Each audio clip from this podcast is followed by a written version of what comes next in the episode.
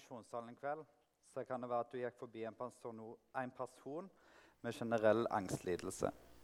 Du kan ha snakka med en person som har posttraumatisk stresslidelse. Du kan være at det er en av personene som sitter til venstre for deg, har en eller annen form for depresjon. Det kan være at en av personene som sitter til høyre for deg, har bipolar lidelse. Kanskje personen foran deg har eh, destruktiv Halvparten, omtrent halvparten av alle norske vil rammes av en psykisk lidelse i løpet av livet. I dag skal jeg og Jan snakke Eller Jan Magnus. Eh, Burman, så da blir jeg forkorta her. Eh, jeg og Jan Magnus vi skal tale om når livet gjør vondt. Vi kommer ikke til å ha en sånn eh, terapitime herfra. Men vi ønsker å snakke ærlig om livet. Vi tenker at det vil være veldig dumt hvis du går rundt i misjonssalen og tenker at det er ingen som sliter her, og ingen som har vanskelige liv. Hvis du er så naiv og tenker at det her er livet til hver enkelt som går i misjonssalen, like smilende som det smilet du ser, da er vi litt naive. Samtidig så det er fallgruva å tenke at det er absolutt alle i denne salen sliter. For det er heller ikke sant. Vi har eh, erfaring som forbeder, sjelesørger fra vennskap og eget liv. At realiteten er at eh, vi har vanskelige dager, vi har vanskelige liv, og andre har vanskelige liv. Derfor har vi lyst å snakke ærlig om det her i kveld. Skal vi be. Kjære allmektige Gud, du som eh, ser hver enkelt av oss og kjenner hver enkelt av oss. Her du ser eh, talen, du ser temaet, og så ser du hver enkelt som sitter her i salen. Herre, jeg ber om at vi kan få lov å tale rett og sant om deg. Jeg ber om at eh, du møter folk her. At folk kan få se deg, far. At de får være klar over at du ser dem, at du har omsorg for dem ber Herre òg om at vi kan få tale ærlig og sant og på en god måte om at livet kan være vanskelig. Legge stunden nå i dine rike og mektige hender. Amen. Jeg skal starte Skal se, er det lyd i meg? Hallo Er det lyd nå? Der, ja. Eh, jeg skal starte med å dele et par vers fra 2. Korinterbrev, kapittel 7. Um, og her jeg bruker jeg den nynorske oversettelsen, som jeg jo alltid gjør, eh, egentlig. Eh, men her er et av eksemplene på at ulike oversettelser komplementerer hverandre. Eh, for da vi kom til Makedonia, ble det heller ikke lettere for oss. Vi møtte bare motgang, strid omkring oss og angst inni oss. Men Gud, som trøsta de nedbøygde, han trøsta oss med at Titus kom. Ydmyke, nedbøygde, de som har blitt ydmyka. Gud som trøsta de nedbøygde. Paulus stoppa her opp. Midt i en fortelling om hvordan de har hatt det, så stopper han opp. Når han sier 'men', så er det alltid på tide å følge litt med. Men Gud, som er sånn at han trøsta de nedbøyde. Han trøsta oss. Jeg vokste opp på Nordmøre. Jeg vokste opp i ei bygd som heter Torvik bukt. Og Der hadde jeg det egentlig fint, i alle fall en stund. Men så begynte jeg på skolen. Og på skolen så ble jeg mobba. Både av folk i min egen klasse, men kanskje særlig av storesøsknene deres og vennene deres som gikk i klassen over. Så godt som hver dag i et eller annet friminutt så kom mobben og samla seg, slengte dritt, ble fysiske eh, eller gjorde andre ting i håp om å enten få meg sint Og jeg kan huske at jeg hadde et eh, nokså greit temperament. Eh, eller lei meg. Jeg ble kalt flere ting enn det jeg kan huske. Jeg har spilt slåball der det plutselig gikk sport i at alle skulle treffe meg hardest mulig med ballen. Jeg har stått hjemme på skoleplassen i timevis etter at skolen var ferdig, fordi de sa at når du er på vei hjem i dag, så skal vi kaste deg på elva. Så da sto jeg der på skoleplassen i timer etter skolen var ferdig, av frykt for at noen skulle komme og hive meg på elva om jeg prøvde å gå hjem. Én til én kunne mobberne være snille og greie, men det gjorde egentlig bare alt verre. Den ene dagen kunne du leke fint med dem hjemme, ha det kjempekjekt og tenke at nå blir det annerledes. Nå blir det annerledes på skolen også. Bare for å bli skuffa og knust neste dag over at ingenting var forandra. Hva er det jeg har gjort deg? Hva er det med meg som får deg til å være sånn? Hva er det som feiler meg, egentlig? Oppi det hele så var skolen enten blind, døv, dum eller alle tre samtidig, for de så ingenting, hørte ingenting og gjorde ingenting. Sa ikke ifra til mine foreldre. Og jeg sa det heller ikke til mine foreldre. Hvorfor skulle jeg det? Når jeg kom hjem, så var jo jeg fri. Når jeg kom hjem, så var jeg jo kommet til den trygge plassen der det ikke var noen som plaga, der jeg bare kunne leke og drømme vekk. Hvor skulle jeg rippe opp i det vonde når jeg kom hjem, tenkte jeg. Så mamma og pappa visste ingenting.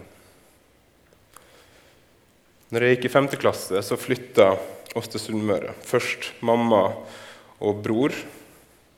Eh, men så greina jeg meg til å få lov til å flytte etter eh, i november mens jeg gikk i femte.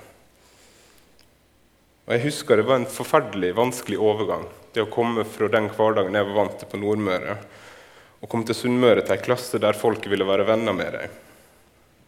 Jeg husker fortsatt hvordan jeg slo til en kompis som drog det som kalles en vennskapelig spøk, fordi det var en sjanger av språket jeg ikke var klar over fantes. Når noen sa noe spøkefullt om det, så var jeg vant til at det var ondsinna og at det derfor må besvares. Så jeg slo han for å sette meg i respekt, for det var jo sånn det hadde fungert på Nordmøre. Gjennom denne tida, gjennom barneskoletida så strevde jeg mye med gudsforholdet mitt og med gudsbildet mitt. Hvem er Gud egentlig, som lar meg oppleve sånne ting? Hvor er Gud? Hvor var Gud? Var han glad i meg, eller var han i grunnen enig med de som mobba? Samtidig så takka jeg ham for plassen som vi hadde flytta til.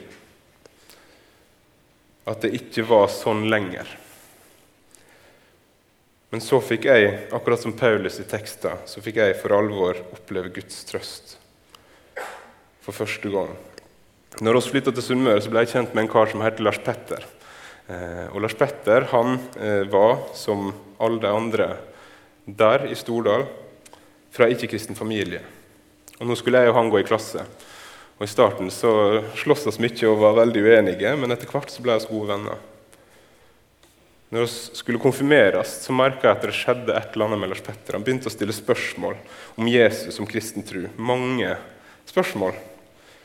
Og han signaliserte at han ønska å bli en kristen. Og Etter hvert så begynte vi på Vestborg, og Lars Petter ble en kristen.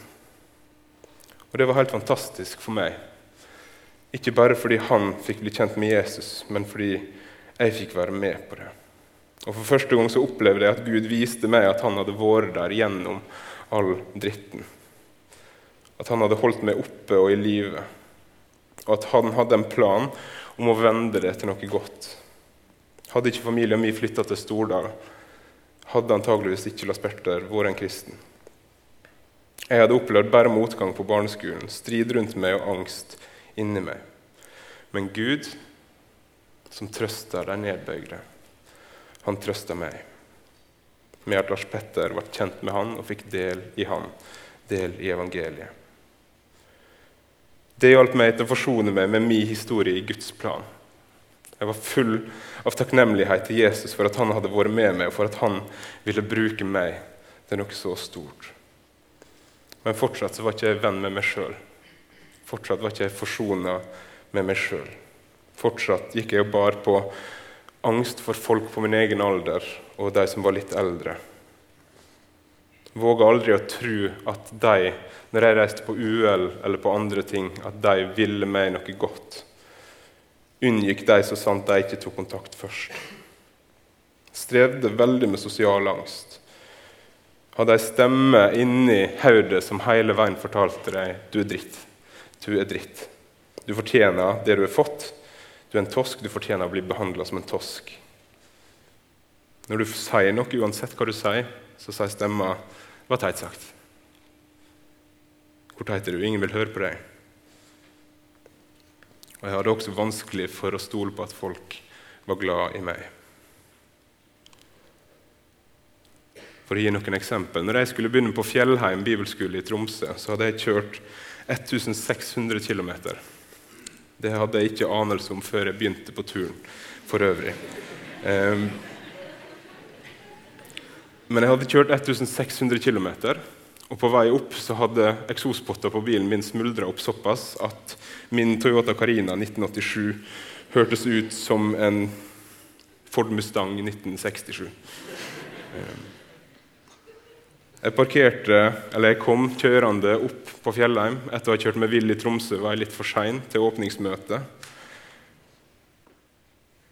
Og det var varmt i Tromsø, så de hadde åpent vindu i møtesalen. Og jeg tenkte hvis jeg går inn der nå, så kommer de til å tenke der er han, idioten som ødela møtet for oss. Håper ikke han blir her lenge. Der er han idioten som ikke greide eh, å komme hit uten å lage et vanvittig styr. Og Jeg satt der i bilen og tenkte Hva er det nå? Kjører jeg hjem? Skal jeg våge å gå inn? Og Til slutt så var det det faktum at jeg nettopp hadde kjørt 1600 km, som fikk meg til å gå inn. Ingenting annet. Og jeg kom inn. Eh, da hadde det folk begynt å gå til kveldsmat. Og Det første som skjedde når jeg åpna døra inn til salen, der de andre var, var at det svartna for meg. Jeg måtte ta meg i bordet. Og jeg tenkte hva er det Hva er det du gjør? Hvorfor går du inn her? Ingen som vil ha deg her. Og så var det ei kjent stemme. Jeg ante jo ikke hvem det var. Det var helt svart for meg. Men det var ei stemme som sa 'Å ja, det var du, ja'. Og Da tenkte jeg her er noen som kjenner meg. Her er noen som kjenner meg. Og så greide jeg å slappe av. Uten å deise i gulvet. Eller når jeg gikk i misjonssalen. Jeg kom til Oslo, fikk venner og alt det der. Men hvis det var en kveld der jeg måtte gå i misjonssalen alene, så var det veldig lett å droppe det. For å komme inn her alene kan være fryktelig skummelt. Du går inn døra, og så føler du Eller jeg følte i hvert fall Alle ser på deg og tenker du er en idiot. Og så ikke har deg her. Kom deg ut. Hater deg.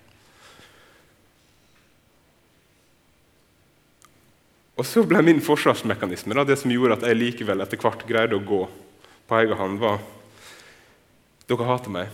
Det gjør ikke noe. Jeg hater dere mer. Dere tenker dritt om meg, men jeg tenker enda mer dritt om dere. Tenk det!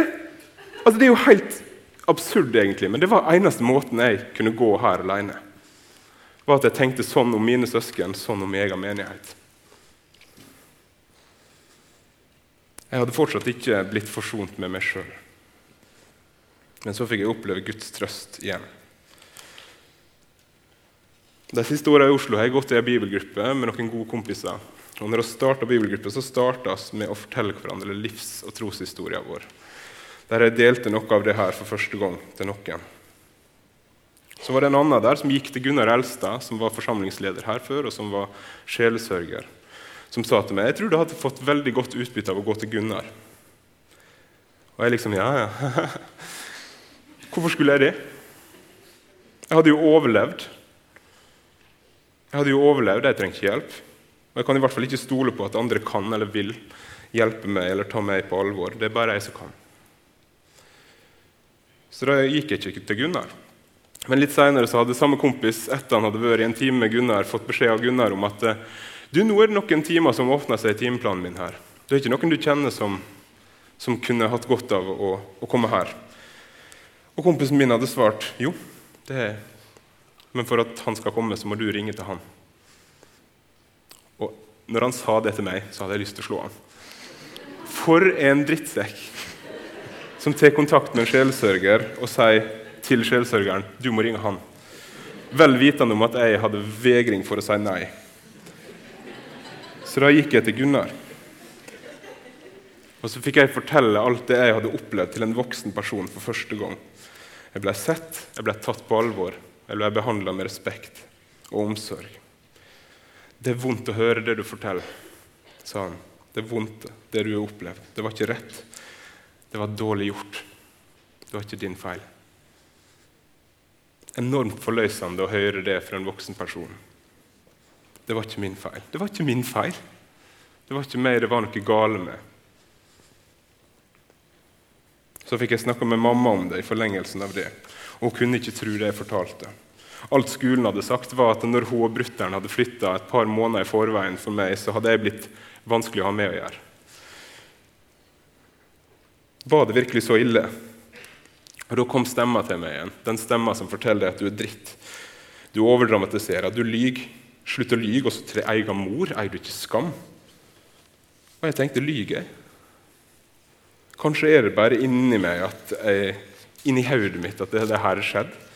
Husker jeg riktig, egentlig? Kan det være sånn? Og Til slutt var jeg nesten sikker på at jeg løy.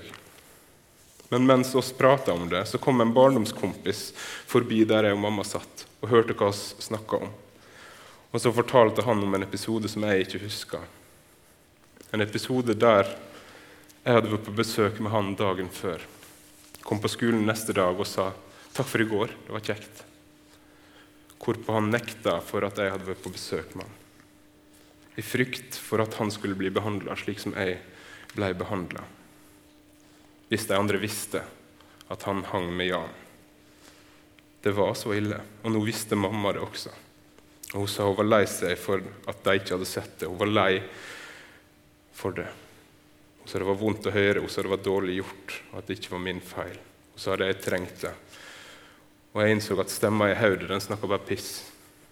Den trykker meg bare ned, og nå trenger jeg ikke å lytte til den lenger. Fordi jeg veit den lyver. Gjennom å gå til Gunnar så fikk jeg ripa opp i alle disse gamle såra som jeg hadde gjort alt jeg kunne for å trykke så langt ned som mulig, men som likevel påvirka livet mitt i så stor grad. Jeg fikk snakke om dem, bli møtt og fikk rense dem. Lagt på nye bandasjer slik at de kunne leges. Og i dag når jeg ser ut mot dere, så tenker ikke jeg at dere hater meg. Jeg våger å tro, eller jeg våger i hvert fall å håpe at dere er glad i meg. Og jeg tør å være glad i dere også. Jeg strevde sånn med meg sjøl og likte ikke meg sjøl, og det fikk meg til å streve enda mer. Jeg så strid rundt meg og angst inni meg, men Gud, men Gud, han som trøster de nedbøyde. Han trøsta meg med at Gunnar kom inn i livet mitt og fikk fri meg fra løgntankene om meg sjøl og fra mye av den angsten som jeg gikk med i møte med andre. Gud som trøster de nedbøyde, han trøsta meg. Tenker du at eh, dårlig sjølbilde, sjølfølelse og sjøltillit det er sånn tenåringsgreie? Det er sånn som en sliter med når en er tenåring.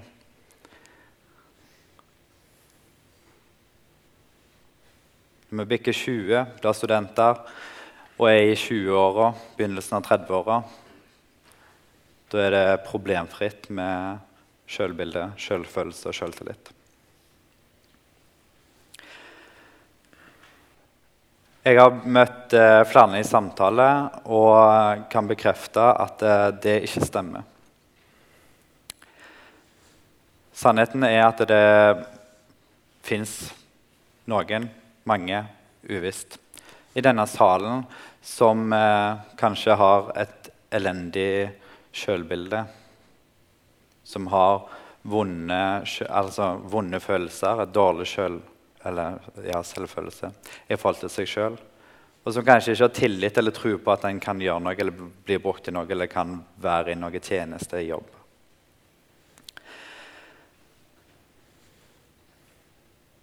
Vi har alle en liten femåring i oss.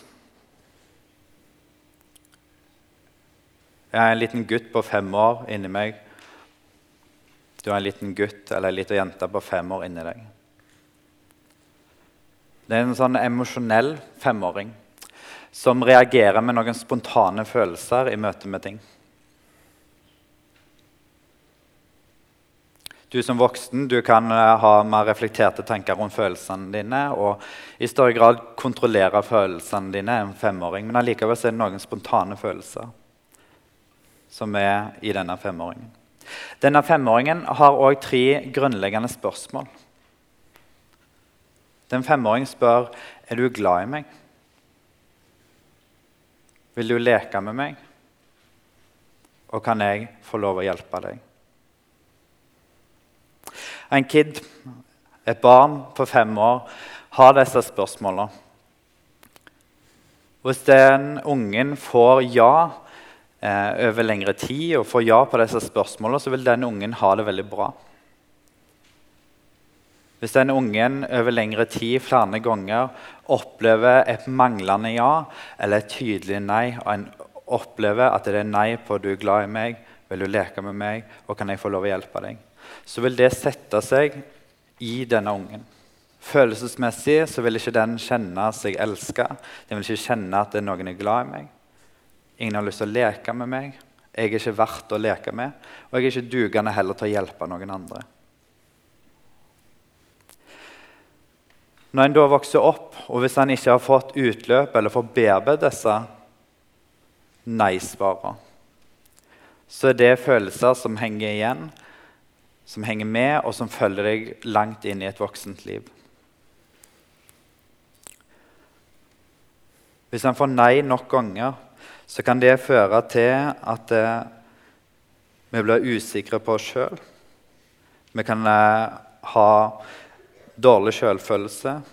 Vi kan oppleve destruktivt sjølbilde selvbilde pga. det. Vi kan eh, oppleve at vi har lite frimodighet i sosiale sammenhenger, eh, skole, jobb. Det henger igjen.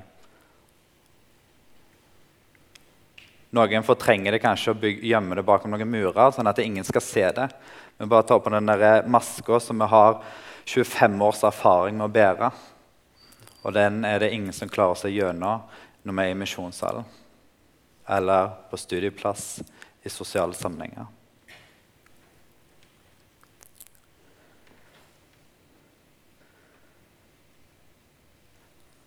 For noen av de som har fått nei over lengre tid, så de, blir noen av de litt sånn oppmerksomhetssjuke.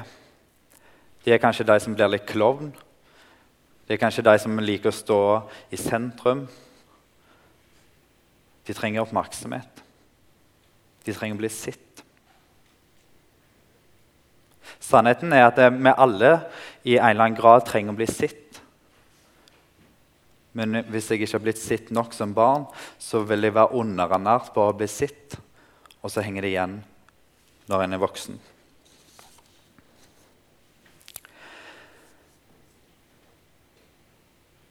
Andre ting som kan ødelegge selvfølelsen vår, selvbildet og selvtilliten, er når vi opplever at grensene våre har blitt brutt. En person som har det bra med seg sjøl, som, eh, som, er trygg på seg sjøl, den har åpne grenser. Og så lar han eh, andre få komme inn i livet sitt som turister innenfor mine grenser. Fordi jeg er trygg på meg sjøl, og dere kan få lov å komme inn. Dere kan få bli kjent med meg. Jeg tør å ta imot dere. Det er noe helt annet hvis det er noen som kommer og okkuperer innenfor grensene våre.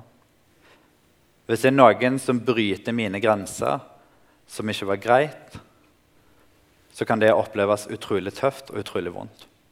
Og det kan være små med mange som plutselig er blitt veldig veldig vondt, eller som blir vondt eh, og blir verre over tid. Eller det kan være en enkelthendelse som var ekstrem. Eksempler på, eh, på at en kan oppleve sånne overskridende opplevelser, er mobbing, vold, seksuelle krenkelser. Og det kan sette seg i kroppen. Og det kan ødelegge frimodighet eh, sosialt sett igjen, men òg overfor Gud. En har et så dårlig sjølbilde og sjølfølelse og tenker at det er, sånn som jeg er, så kan ikke jeg møte Gud. Jeg er ikke verdig til å møte Gud. Det er greit, det de sier, men det gjelder ikke meg. Andre, andre ting som kan være vanskelig, er seksualiteten vår. Nei, vi er kristne, så vi har ikke seksualitet før vi er gift med. Det er utrolig dumt hvis vi går rundt og tenker sånn. Og sannheten er at det er mange som faktisk tenker sånn. En skal liksom fornekte og fornekte og fornekte at vi er seksuelle mennesker helt fram til vi eventuelt blir gift. Hva med de da som har opplevd at de faktisk har en seksualitet, og så har de plutselig opplevd noen sår i forhold til seksualiteten, grenser som er brutt, eller et eller annet? Vi har òg en kropp. Det eh, gjelder jo alle her. Og eh, vi kan ha noen ulike tanker om hvordan vi ser på kroppen vår. Og i en eller annen grad så må vi tenke at eh, jeg er fornøyd med kroppen min, eller det er OK kropp.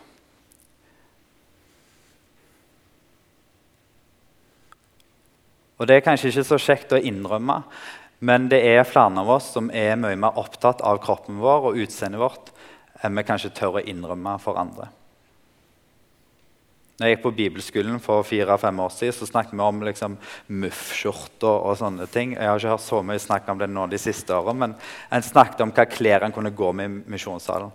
Det gjorde vi for så vidt i går kveld, jeg og du òg, men sånn? Fordi vi tenker på det. La oss erkjenne det.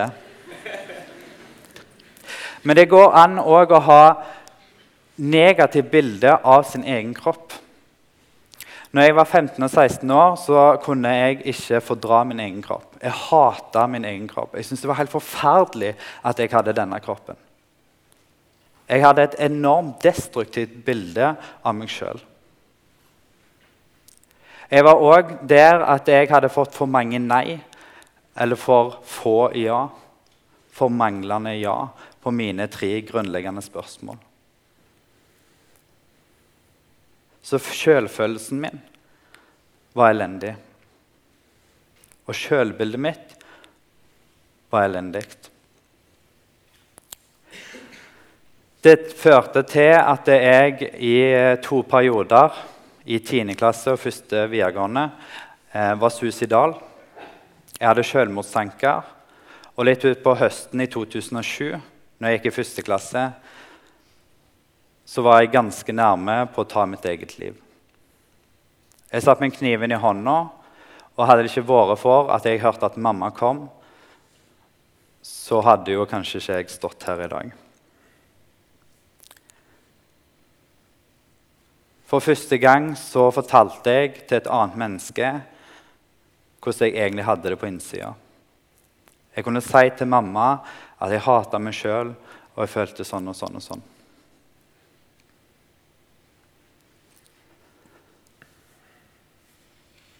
På denne tida så hadde jeg òg et veldig vanskelig forhold til Gud. Hvor var Gud? Fins Gud egentlig i det hele tatt? Og ser han meg? Og hvordan kan jeg ha det sånn når, eh, hvis Gud fins? Jeg er i dag overbevist om at Gud så meg. Paulus ble velsigna med at Titus kom. Jeg ble den dagen velsigna med at mamma kom. Jeg har seinere vært velsigna med at andre mennesker har kommet inn i mitt liv, men den gangen var nok ganske avgjørende. Følelsesmessig følte jeg at Gud var nær. På ingen som helst måte. Det var bare mye vonde, fæle følelser på den tida. Jeg har òg noe som heter panikkangst. Så jeg får noen panikkanfall innimellom. Ikke så veldig ofte, men innimellom. På det verste så føler jeg jo ikke at Gud er nær. Men jeg kan tenke og være klar over og vite og holde fast på det som står i Guds ord, at Gud faktisk er nær. Når israelsfolket var i Egypt som slaver, så hadde de mange vanskelige eh, situasjoner. De var slaver, og de ble plaga og alt dette her. Og så kjenner vi til historien når Moses ble eh, sendt, eller han ble kalt han ble sendt for å gå og hente israelsfolket. Men det som står i 2. Mosebok kapittel 3 vers 7, det er når Gud kommer til Moses, så sier han Og Herren sa, Jeg har så visst sett mitt folks nød i Egypt. Jeg har hørt deres klagerop over slavefogdene, og jeg vet hva de lider. Moses Israelsfolket går rundt der og har det vanskelig. Jeg vet ikke om de føler at jeg er så veldig nær, men jeg har så visst sett nøden deres. Jeg har hørt klageropene deres, og jeg vet hva de lider. Jeg har en omsorg for dem, og nå har jeg ønsker å sende deg.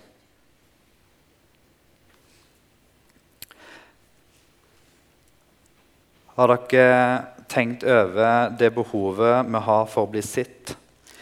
Jeg trenger å bli sitt, jeg trenger å bli hørt. Og så står det i 4. Mosebok kapittel 6 med velsignelsen som vi får her på hver møte, så står det Herren velsigne deg og bevare deg. Herren lar sitt ansikt lyse over deg. Herren har lyst å se deg. Herren lar sitt ansikt lyse over deg og være deg nådig. Herren løfter sitt åsyn på deg og gir deg fred. Han ønsker å se deg. I hebreerbrevet, som er tema for Muftin våren, så står det mye om Jesus. At han er vår øverste prest. At han ikke er en øverste prest som er fjern eller som er hard, men en øverste prest er omsorg for oss, og som ser oss og som lider med oss i vår svakhet. Som er prøvd i alt på samme måte som oss, men uten synd. Jesus er menneskesønn, og han er velkjent med smerte. Han har opplevd hele spekteret av det det vil si å være menneske. Han var så fylt av angst at han svetta blod i Getsemane. Han opplevde enorm fysisk smerte han opplevde å bli forlatt av alle de han kalte venner og elska, og være helt alene igjen. Han vet også hva du går igjennom. Og mer enn det, han er omsorg for deg og er med deg. Han er med oss og bærer oss gjennom sjøl våre mørkeste daler. Om jeg enn skulle vandre i dødsskyggens dal, frykter jeg ikke for vondt, for du er med meg. Uansett om det er sykdom, eller det er angst, eller det er sjølbilde, relasjonsbrudd, eller hva det er, så er han med. Og så har han også gitt oss et løfte om at en dag så skal alle lidelsene ta slutt, som vi sang om i sangen til Thea i stad. En dag så skal vi også være hjemme. I Hebreerne 10,23 så står det 'hold urokkelig fast på bekjennelsen av håpet'. For han som ga løftet, er trofast. Han er trofast. Løftet gjelder fortsatt. Han kommer alltid til å være trofast. Jesus har seira. Han går med, og han går i forbønn for oss. Og Det er stort, og det må vi holde urokkelig fast på sjøl når det er så mørkt for oss at vi ikke ser noen vei ut. Smerte det kan oppleves i veldig forskjellig grad for hver eneste en av oss. Har dere hørt uttrykket 'ingen er så syk som en syk mann'? Det er sånn trøsteord, og det er sånn der uh, menn slenger ut uh, for å liksom uh, prøve å overbevise andre om at jeg er veldig syk når jeg først er syk.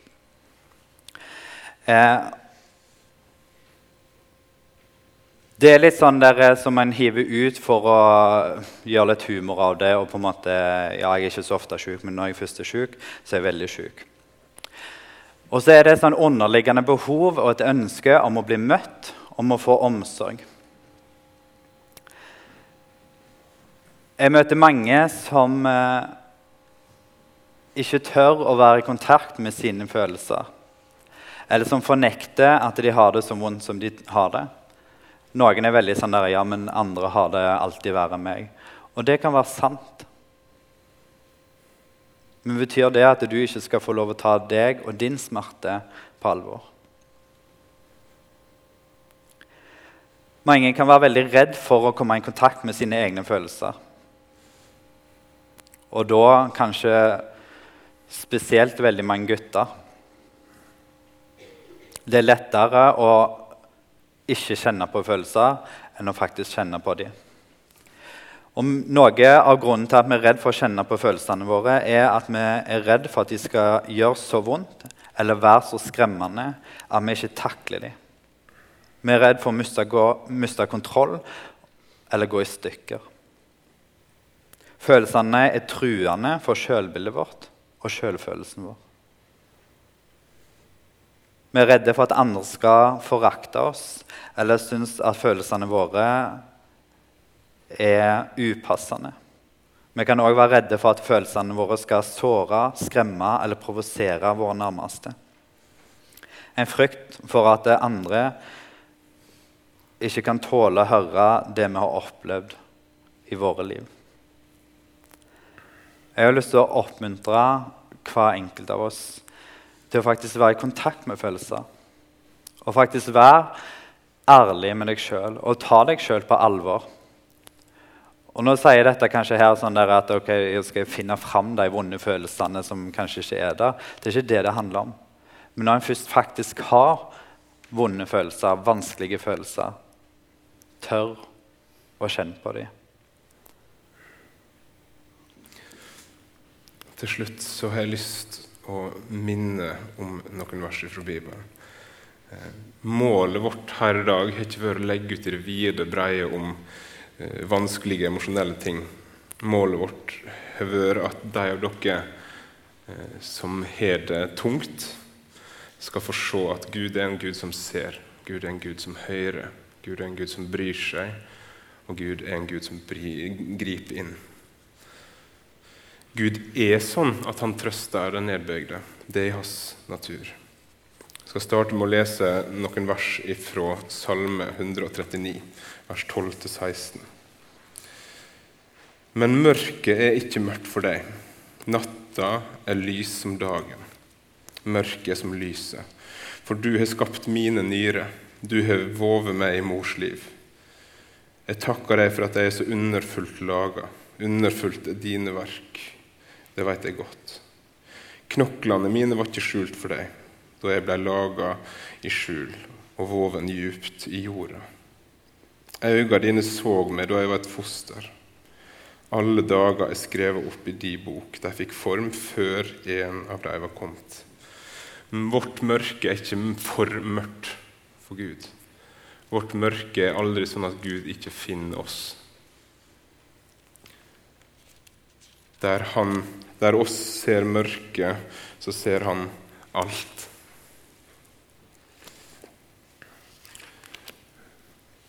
Og så er det dette håpet som oss har fått. I Johannes' åpenbaring 21, vers 3-5, så står det Og jeg hørte fra trona ei høg røst som sa:" Sjå, Guds bolig er hos mennesker. Han skal bo hos dem, og de skal være hans folk. Og Gud sjøl skal være hos dem. Han skal være deres Gud. Han skal tørke hver tåre fra øynene deres, og døden skal ikke være mer. Og ikke sorg, og ikke skrik, og ikke pine. For det som en gang var, er borte. Og han som sitter på trona, sa, Se, jeg gjør alle ting nye. Og han sa, Skriv det opp, for disse ordene er pålitelige og sanne. Og i vers 22-23.: Noe tempel så jeg ikke i byen, for Herren Gud, den allmektige og lammet, er tempel der. Og byen trenger ikke lys fra sol eller måne, for Guds herlighet lyser over ham, og lammet er lyset hans. Vårt mørke er ikke mørkt for Gud. Han som har skapt deg, han har ikke forlatt deg. Han som har skapt deg, er ikke død eller langt vekke, men han lever i dag, og han ser deg. Han ser det du går igjennom. Han hører deg, han hører de bønn, han hører de sukk. Han bryr seg om akkurat det. Midt i et hav av mennesker der du kan tenke at du er glemt, så ser han fortsatt deg og det du går igjennom, og det du har vært igjennom. Han har omsorg for deg, og han griper inn. Gud som trøster deg nedbøyde, det er sånn han er. Når jeg står her og forteller om Paulus som skrev det, og om min erfaring av det, så, så er ikke det fordi oss er unntaker, men oss er i Guds hand. Og Gud er den som trøster den nedbøyde. Det er sånn han er. Han har gitt oss løftet som oss las her, om at vi en dag skal slippe å sukke, at vi en dag skal slippe å rope i smerte. At vi en dag skal være hos Han med hele oss og leve i Hans nærvær, der det ikke fins sorg, nød, smerte eller død. Uansett hva som er gått igjennom, så er det håpet for oss som er Guds barn, og som tror på Han som er lyset, og skal få leve i lyset. Jeg skal be til slutt. Kjære Jesus, takk at du er en sånn som trøster de nedbøyde. Takk at du har omsorg for hver enkelt av oss. Jeg ber må du øke bevisstheten vår om at det ikke er sånn at jeg er den eneste som sliter, eller hvis vi ser det bra, at oss ikke er eh, representative for alle, men at det faktisk er sånn at vi trenger å se og hjelpe hverandre og ta hverandre på alvor. Jeg ber må du hjelpe de som trenger det, til å kaste maskene, til å våge å stole på at noen vil ta imot dem. Og må du sende folk inn i livet deres, slik du gjorde for Paulus, for meg og for Rune, som kan være til trøst for dem. Trøst ifra deg. Takk for din omsorg for oss. Må vi få lov til å kjenne den. Du som trøster deg nedbøyde, må du trøste oss. I ditt navn, Jesus. Amen.